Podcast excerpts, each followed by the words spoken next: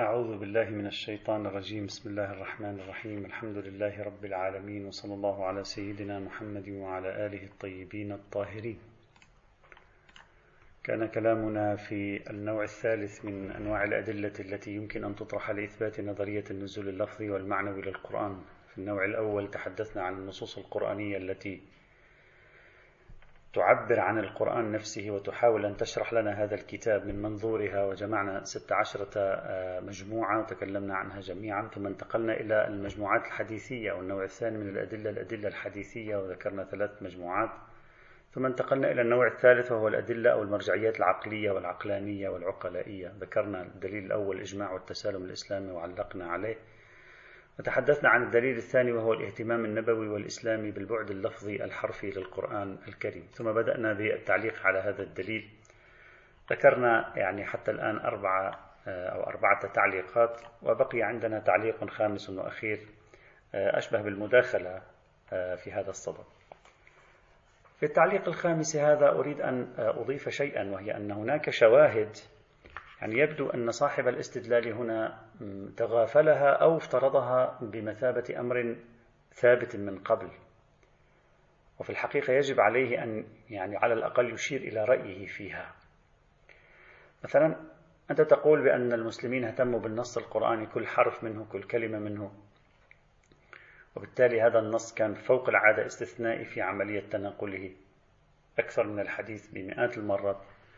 طيب آه، حتى نثبت شيئا من هذا القبيل ونثبت أن هذا النص بلغ يعني حجما هائلا من الاهتمام بحيث تناقل جيلا بعد جيل بكلماته وحروفه.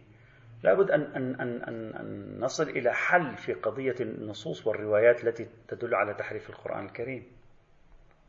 هناك نصوص وقائع هناك روايات عند السنة عند الشيعة تشير إلى حصول تحريف بأي نسبة كان في القرآن الكريم. ليس فقط نصوص من هذا. هناك علماء مسلمون أيضا تبنوا فكرة التحريف. ألا يعني ذلك أنه قد عرض على القرآن بعض أشكال ما عرض على السنة؟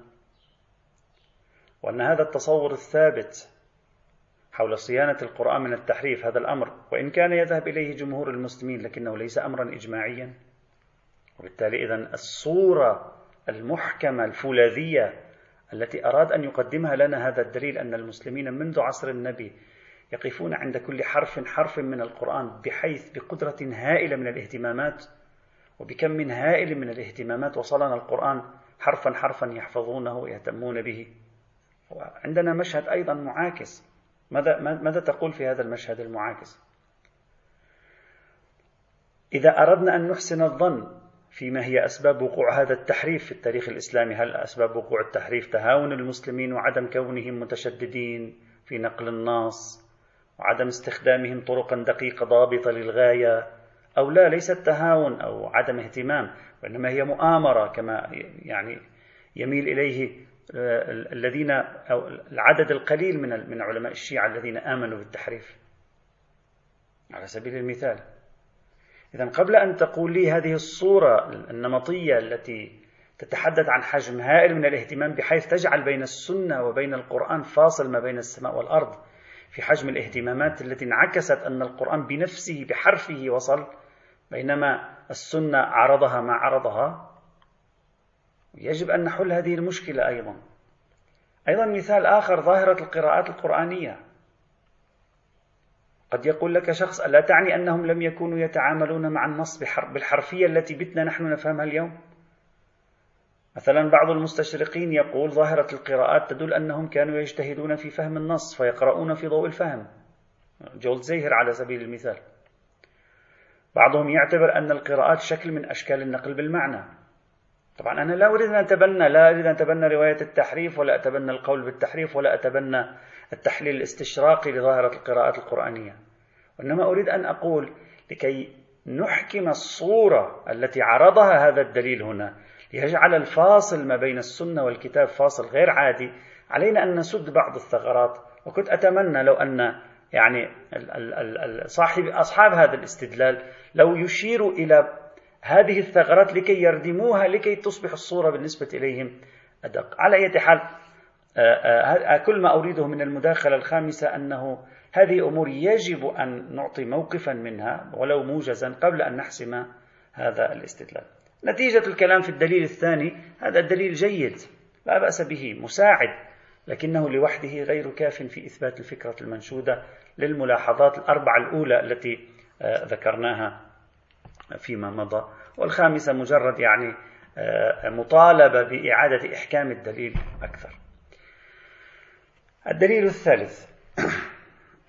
تحدثنا عن دليل الإجماع كدليل آه، عقلاني يحمل مقاربة تاريخية. تحدثنا عن دليل الاهتمام النبوي والإسلام الأول بالتركيبة اللفظية للقرآن وهو أيضا من نمط الأدلة العقلانية التاريخية. الآن نتحدث عن دليل ثالث الإعجاز اللفظي في القرآن الكريم. هذا الدليل أيضا طرحه مجموعة من الباحثين حاصله أن الجانب الإعجازي الأكبر في القرآن الكريم هو الجانب اللفظي البياني. يعني التركيبة اللفظية للقرآن هي المعجزة. وعلماء القرآنيات المسلمون تحدثوا عن هذا الموضوع بإسهاب كبير. لا داعي لأن نتعرض له هنا أصلا. طيب إذا بما أن البنية اللفظية للقرآن هي المعجز فهذا يعني أن البنية اللفظية من الله. لأن المفروض أن المعجز لا يتمكن البشر من الإتيان بمثله. فإذا كان كذلك وكان النص القرآني معجزا في بنيته اللفظية فهذا يعني أن بنيته اللفظية من عند الله. وإلا كما يعبر المناطق خلف كونه معجزا. إذا الإعجاز اللفظي دليل إلهية اللفظ. دعوني أركب قياس منطقي إذا صح التعبير على شكل مقدمات. البنية اللفظية للقرآن الكريم معجزة بين قوسين يعني لا يقدر البشر على الإتيان بمثلها.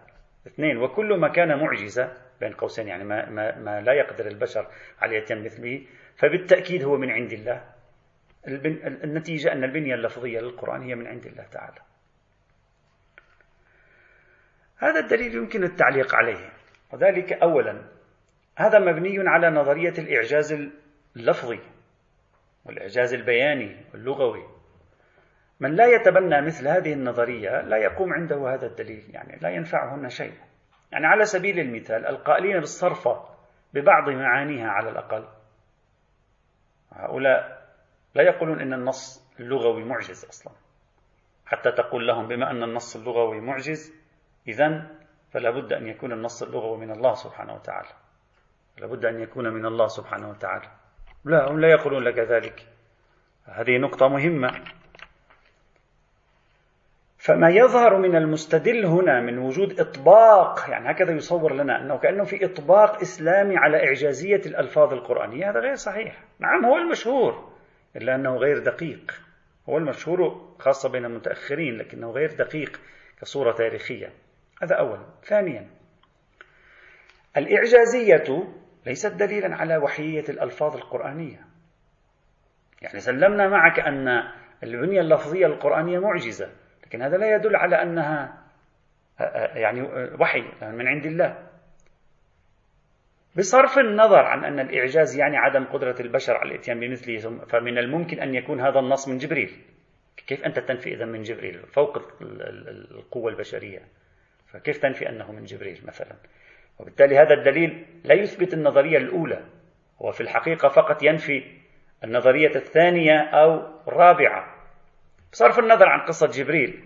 حتى أكثر من ذلك أقول الإعجاز ليس دليلا على وحية الألفاظ القرآنية. لماذا؟ لأن من الممكن أن الله تعالى أقدر نبيه على ترجمة معاني القرآن بطريقة لغوية فائقة تتخطى القدرات البشرية في تركيب النصوص. لكن في نهاية المطاف يظل هذا النص ترجمة نبوية لمعنى أنزله الله تعالى. هذا ممكن. يعني الإعجاز يكون في الإقدار. لا في نفس الإتيان بالبنية اللفظية. إعجاز اللغوي في القرآن أين جاء؟ جاء في إقدار الله للنبي على أن يأتي بنص استثنائي لا في أن الله مباشرة أتى بنص استثنائي الله لم يعطي إلا المعاني والمضامين والنبي قام بإنتاج اللفظ.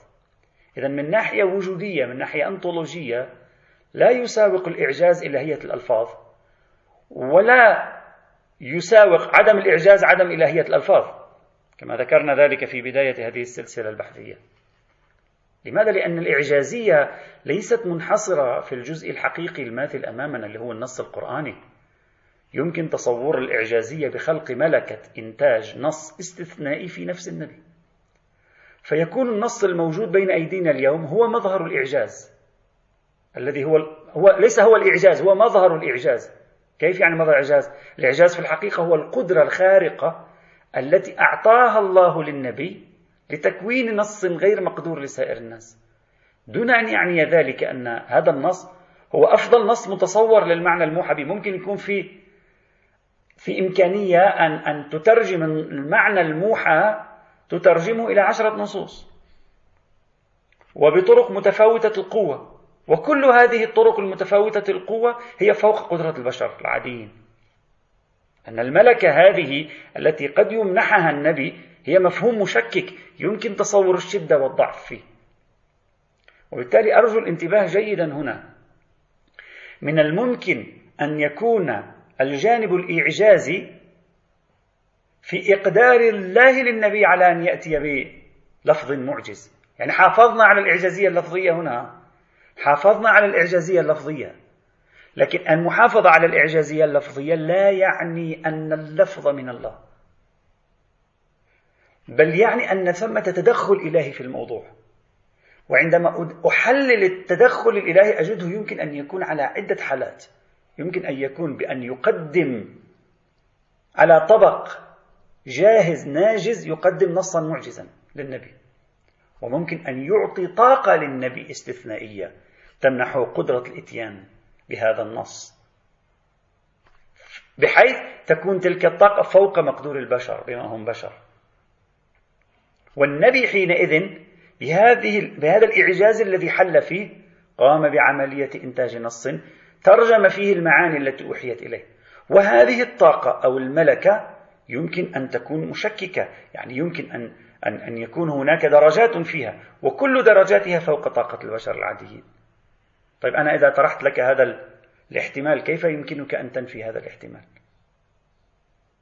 طبعا سوف يأتي معنا إن شاء الله تعالى في آخر هذه السلسلة من المحاضرات النتائج المترتبة على الخلاف بين هذه النظريات وهذا سيوضح أكثر الفكرة التي أنا بصددها هنا.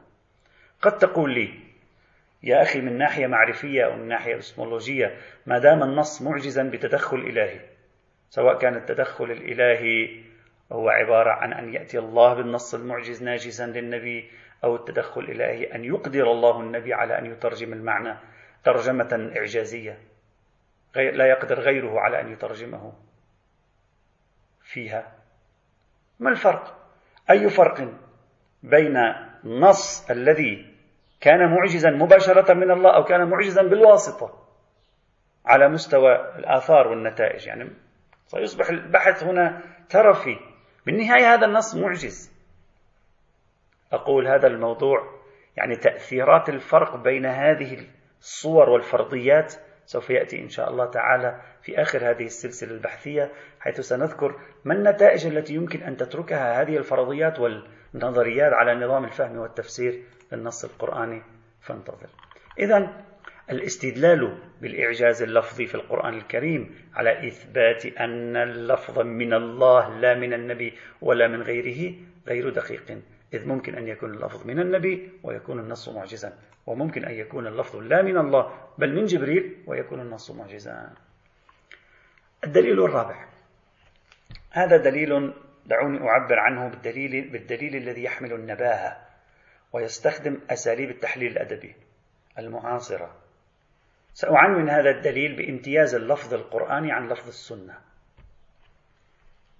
امتياز اللفظ القرآني عن لفظ السنة. روح هذا الدليل مبثوثة عند بعضهم لكنني سوف أحاول تطويره وجعله في سياق كامل وإضافة مجموعة من العناصر عليه حتى أجعله دليلا قويا متينا إلى أبعد حد ممكن. فكرة هذا الدليل تقوم على تحليل استقراء النصوص التي وصلتنا عن النبي. هذا من جهة. من جهة ثانية تقوم أيضا على المعطيات التاريخية المتوفرة بين أيدينا والقائمة على التحليل والمقارنة.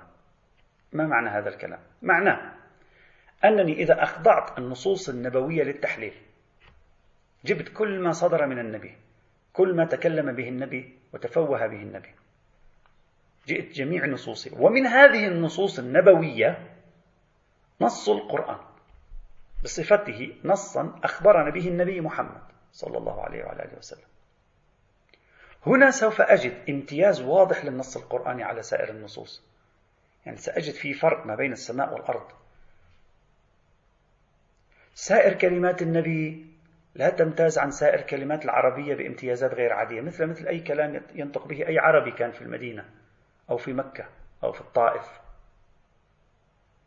بينما النص الذي فسر لنا فيه النبي المعاني الموحاة إليه جاء ببنية لفظية استثنائية ومتميزة جدا عن سائر نصوصه وخطاباته.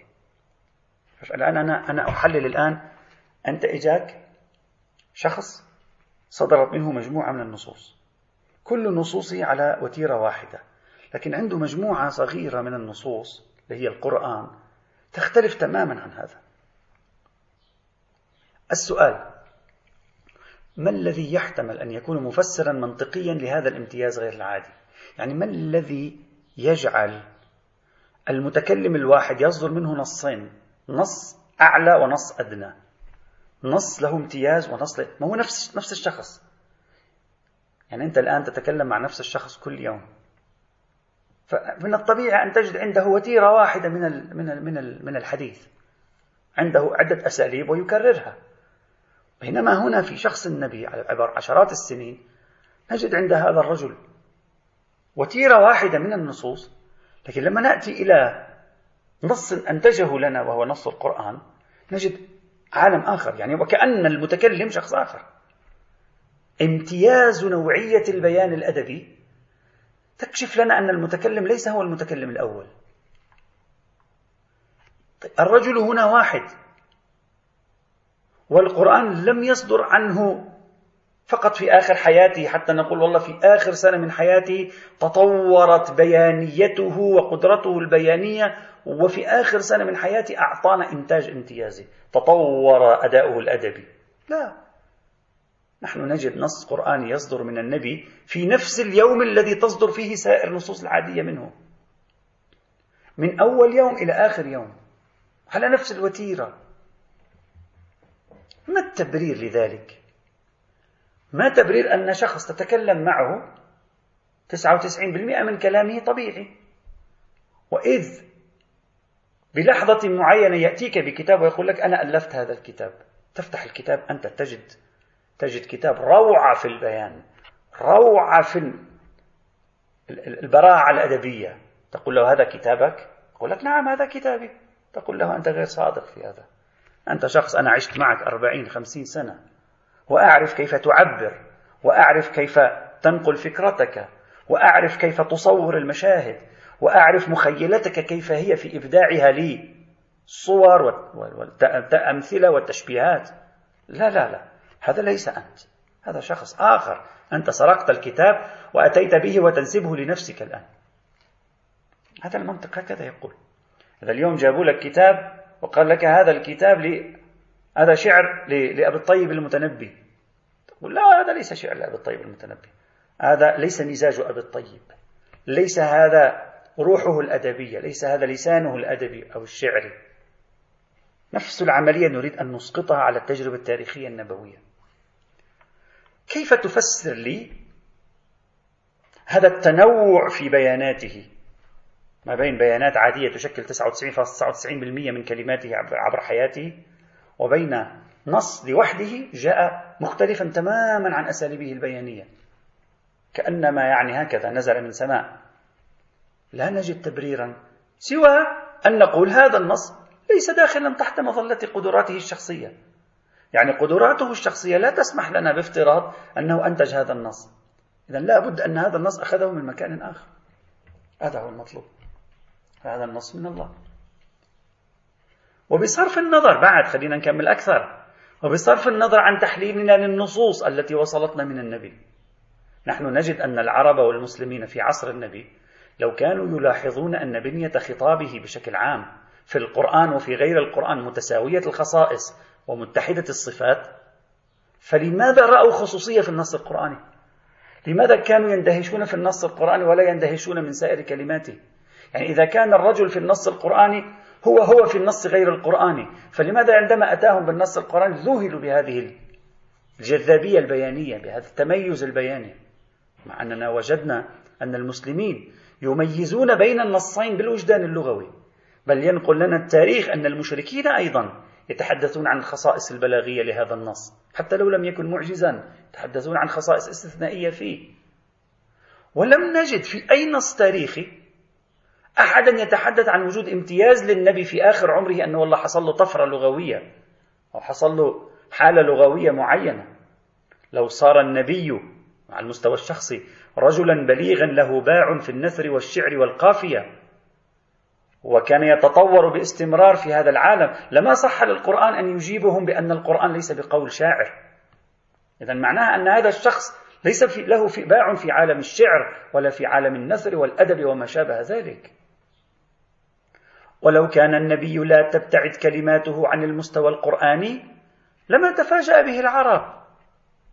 يعني لو كانت كلماته الأخرى مثل كلمات القرآنية وكلمات القرآنية مثل كلماته الأخرى ليش العرب يتفاجؤون بما أتى به ولقدموا تفسير طبيعي لإتيان محمد بهذا الكلام وكيف تفسير طبيعي؟ التفسير الطبيعي أنه أنت يعني ما جايب شيء يعني استثنائي، ما أنت دائما تتكلم بهذه الطريقة، حتى قبل أن تدعي النبوة أنت تتكلم أيضا بهذه الطريقة. لاحظوا الآية 15 16 من سورة يونس ماذا يقول؟ يقول بسم الله الرحمن الرحيم: وإذا تتلى عليهم آياتنا بينات قال الذين لا يرجون لقاء نأتي بقرآن غير هذا أو بدلها. قل ما يكون لي أن أبدله من تلقاء نفسي؟ إن أتبع إلا ما يوحى إلي. إني أخاف إن عصيت ربي عذاب يوم عظيم. قل لو شاء الله ما تلوته عليكم ولا أدراكم به فقد لبثت فيكم عمرا من قبله. أفلا تعقلون؟ يعني أنا أنتم تعرفونني تعرفون بياني تعرفون كلامي. هل هذا هو كلامي؟ هل هكذا أنا أتكلم؟ عشت معكم عشرات السنين. هل هذا أتكلم أنا بهذه الطريقة؟ هل أعرف أصلا أنا أتكلم بهذه الطريقة؟ لاحظوا الفرق بين ما أتيتكم به من قرآن وما تعرفوه عني فقد لبثت فيكم عمرا من قبله. تأكدوا أن هذا ليس مني. إذا هذا الامتياز بين نصين صدرا من متكلم واحد. امتياز هائل الفرق. بين نصين صدرا من متكلم واحد هو دليل على أن أحدهما جاءه من الخارج لا من نفسه. وإلا لرأينا له نصوصا بنفس المستوى القرآني في, في سائر كلماته العادية.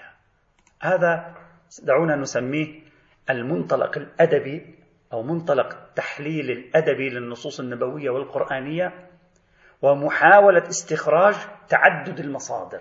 يعني نقول سائر كلماته هو مصدرها هذا حتما أخذه من أحد آخر. هذا ليس كلامهم هو هو ليس ليس بهذا المستوى الأدبي والنثري والبياني أصلا. يجب أن نتوقف قليلا يعني في مقاربة تقويمية نقدية ما شئت فعبر عند هذه عند هذا الدليل الذي دعوني مجددا أن أسميه بالدليل النابه إن هذه الطريقة في التحليل هي طريقة ليست أيديولوجية بالمعنى الإسقاطي اللي يعني يحاول أن يتكلف أحيانا وإنما طريقة يعني محايدة أيضا. كيف يمكن أن نقوم هذا الدليل؟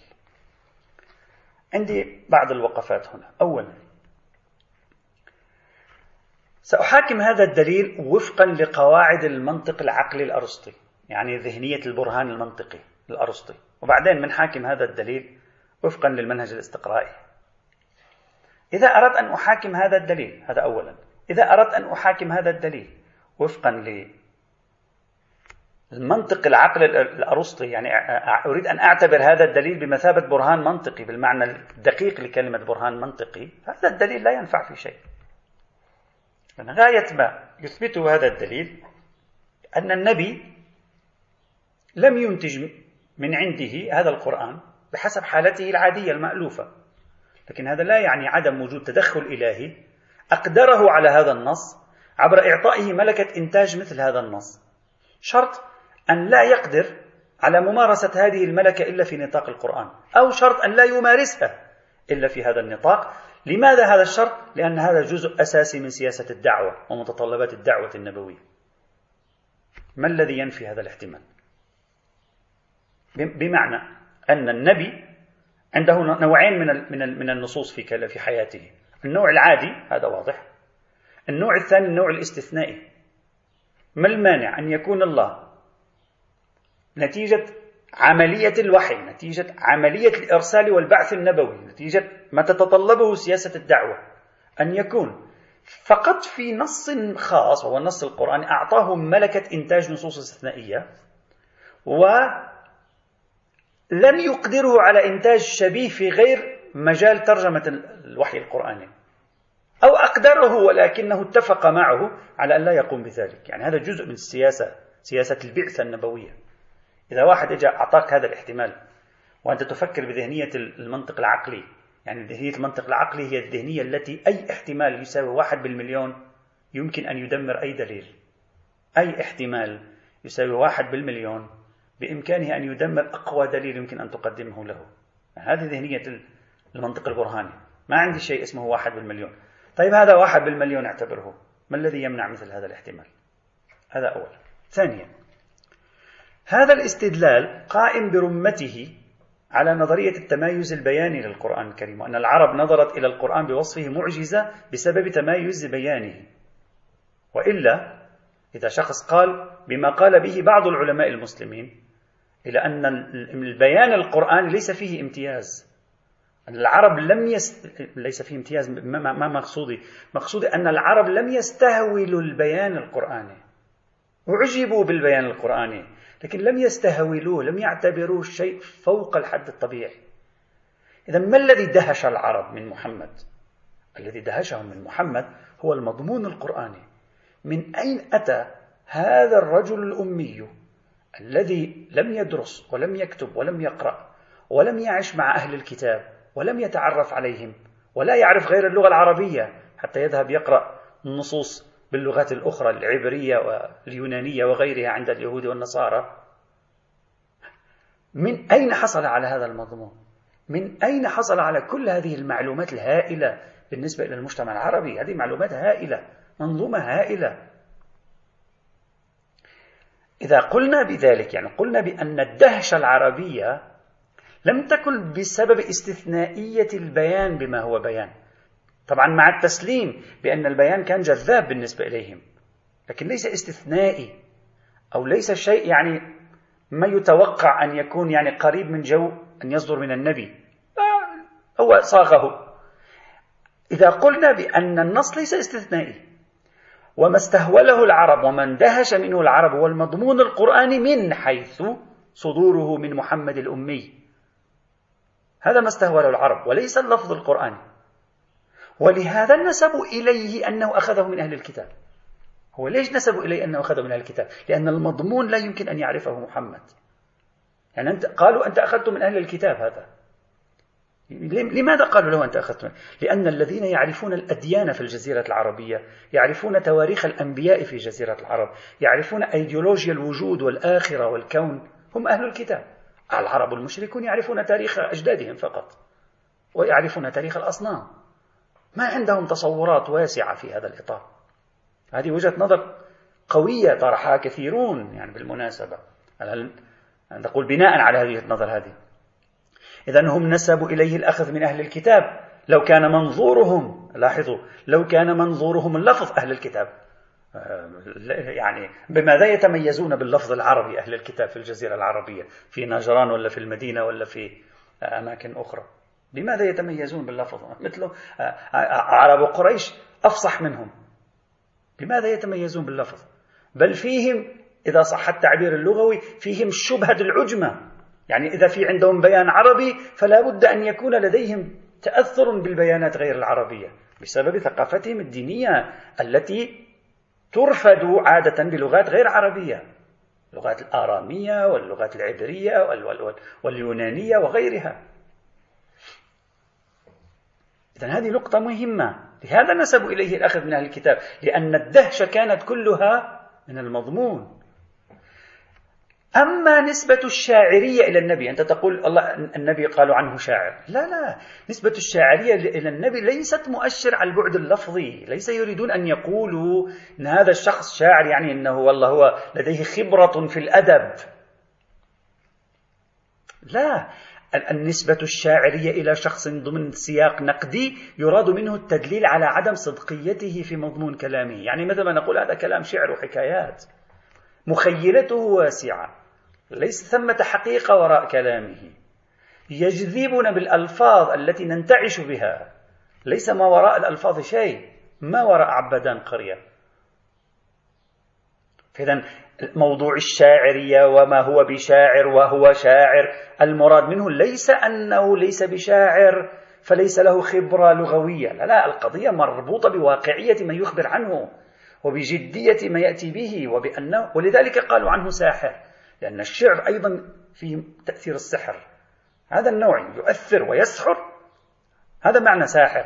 يعني هذا جاءنا بكلام جميل لطيف جذاب ليس وراءه حقيقة.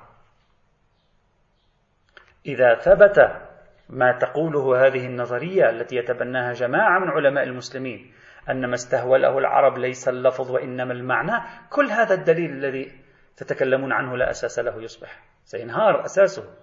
حتى الآية القرآنية من سورة يونس ليس فيها ما يشير إلى البعد اللفظي. هي تؤكد أن النبي كان موجودا بينهم عمرا مديدا. فلو كان هذا القرآن بما هو منظومة مضمونية لو كان هذا القرآن من عنده لظهرت أفكاره وحكاياته وقضاياه في ثنايا كلامه. وإلا إذا ما كان هذا هو المقصود بما لماذا استنكروا عليه بالقول إنما يعلمه بشر؟ طب إنما يعلمه بشر ما تحل المشكلة. إنما يعلمه بشر معناه أنهم ينظرون إلى المعنى لا ينظرون إلى اللفظ وإلا إذا كان يعلمه بشر وكان اللفظ استثنائي ذاك البشر هم أيضا لا يستطيع أن يأتي بهذا النص الاستثنائي. لو كان الذي يعلمه بشر لعاد الإشكال عليهم بأن النص معجز أو غير عادي عربيا فمن أين أتى ذاك البشري به؟ إذا إنما يعلمه بشر الهدف منها أن هذا الشخص الأمي المكي لا يقدر ما يعرف ما عندنا هذه الثقافة نحن هذا فجأة. من أين أتى بكل هذه الثقافة الهائلة؟ بحجم بناء ديانة. هذه ليست آه، مزحة. النص القرآني في حياة العرب آنذاك في الحد الأدنى يعبر عن حجم بناء ديانة كاملة موازية في قوتها وفي ترتيب منظومتها للصور الموجودة في الديانات الأخرى. هذا أذهلهم الجماعة يعني هذا شعروا بذهول. هذا ثانيا. ثالثا بصرف النظر عما تقدم. وإذا أردنا أن نستخدم المنهج الاستقرائي يمكن أيضا أن نبطل هذا الدليل لأن الاستقراء يثبت لنا أن الشعراء وعظماء الأدب العالمي على مستوى لغات العالم برمتها يتركون عادة نوعين من الآثار. أحدهما الأعمال الأدبية الممتازة التي تخلد وتصبح روائع أدبية وثانيهما سائر كلامهم العادي. شو هم الشعراء والأدباء عبر التاريخ؟ شكسبير ما تكلم إلا هذا الذي نحن نعرفه من أعمال شكسبير. وتكلم كل يوم كان يتكلم شكسبير. وكل يوم المتنبي كان يتكلم. وكل يوم جلال الدين الرومي أيضا كان يتكلم. كل يوم يتكلمون. وكلامهم الذي كانوا يتكلمونه كلام عادي كان. لكن نصوصهم الأدبية كانت استثنائية. لا هم كانوا يحفظون ما كانوا يتكلمونه من غير النصوص الأدبية. ولا الآخرون أيضا يبالون بنقل تلك النصوص. لماذا؟ لأن الأعمال الأدبية لا تأتي من مجرد الخروج على لسانك. الأعمال الأدبية تكتمل في أجواء من المعاناة الشعرية والتخيلية. هم في سائر حياتهم العادية يكونون كباقي الناس في خطاباتهم في كلماتهم في محاوراتهم. بل تجدهم في سائر كتاباتهم لا يبدون ذاك الزخم الأدبي الهائل. حتى لو كانت كتابات نخبوية أيضا. ما معنى ذلك؟ إذن حتى وفق المعايير الاستقرائية لا يبدو هذا الدليل الذي قدموه لنا موفقا. لأن ممكن النبي هو رجل لديه إبداع هائل أدبي لكن إبداعه الأدب وين؟ إذا سألتك وين الأعمال الأدبية للنبي؟ تقول لي هذا النص القرآني. مثل ما إذا سألتك وين الأعمال الأدبية لجلال الدين الرومي؟ تقول لي هذا المثنوي. ما تقول لي كل كلمة نطق بها جلال الدين الرومي في حياته؟ لا هذه ليست أعمال أدبية. وتلك بينها وبين أعماله الأدبية ما بين السماء والأرض في الروعة والبيان وإلى آخره. إذا حتى بهذا المنطق أنت لا تستطيع أن تقنعني بضرورة أن يكون النص القرآني من مصدر آخر غير النبي. لا من النبي. علما بعد أكثر أزيدك أن ظهور الشاعرية أو المسحة الأدبية على إنسان ما ليس من الضروري أن تكون في بداية عمره. من هنا يمكن مثلا أن يقول لك الطرف الآخر أن ظهور شاعرية النبي أو قوته الأدبية في سن الأربعين أمر معقول لأن المعطيات التاريخية تساعد على ذلك. النبي ظل لسنوات طويلة ينفرد مع نفسه في غار حراء حتى كانت خديجة كما تقول التواريخ ترسل إليه الطعام مع رجالها. هذا الانفراد الطويل مع التأمل والتفكر في منطقة مرتفعة من الأرض تشرف على مكة. هذا كله مشهد هذا المشهد ال... الذي أمام يساعد على خلق روح شعرية وأدبية عادة عند الإنسان. لا سيما وأن شخص النبي محمد لم يعرف عنه مزاولته لأعمال تنافي الحس المرهف. يعني ما كان جزارا ما كان محاربا. ورجل كان معروف بهدوئه وسلميته. خلينا أقول طيلة ما قبل النبوة. إذا هذه العناصر أيضا تسمح بافتراض تكون روح شاعرية في داخله عبر السنين ليأتي الحدث الأكبر. ما هو الحدث الأكبر؟ هو ظهور جبريل عليه. هذا الحدث يمثل حدث روحي ونفسي استثنائي بالنسبة إليه يسمح بانفجار لغوي وأدبي دفعي على لسانه. هنا يمكن افتراض أن العرب لم تتفاجأ إلى حد الإعجاز بصدور هذه النصوص عنه بعد غيباته الطويلة الكثيرة وعزلته الطويلة وما شابه ذلك. قد تقول لي ألم يتفاجأ أهل بيت النبي اللي هم خديجة بهذا النص الذي أتى به؟ كيف يمكن تفسير صدور نص, أدبي ممتاز دفعة واحدة دون مقدمات من شخص بشري عادي؟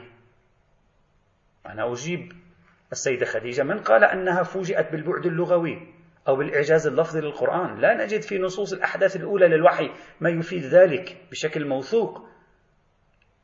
وإنما قدمت للنبي حينها شواهد أخرى تدعم فرضية أنه مرسل من الله. ما قالت له انظر النص الذي أتيت به مذهل هذا دليل على أنك من عند الله. لا أعطته شواهد ثانية على أنه مرسل. صفاته الشخصية حسن خلقه حسن أدبه محاسن أفعاله خلع حجابها. بصرف النظر عن صحة هذه القصة كلها لكن نتكلم فيما هو موجود. هذا كله شاهد أن المفاجأة التي حصلت لم تكن من طرف النص. وأنها عندما يعني لم تتفاجأ من نص. علما أن القرآن لم يتحدى الآخرين بالإتيان بآية أو آيتين أو ثلاث وإنما بصورة وربما لا يصدق على ما نزل في أول مرة على أنه صورة مثلا. أما قضية صدور نص أدبي دفعة واحدة هذا المحنة له. قلنا أن القضية لم تكن دفعية النبي استمر في إنتاج القرآن 23 سنة. يعني ما تستهين بهذا بهذه الحقيقة التاريخية 23 سنة وهو ينتج هذا الكتاب الواحد. وهذا ليس بأمر غريب على أهل الأدب والشعر. إذا بناء عليه لا وفق المنطق البرهاني الأرسطي يمكنك أن تثبت لي باليقين عبر هذا الدليل.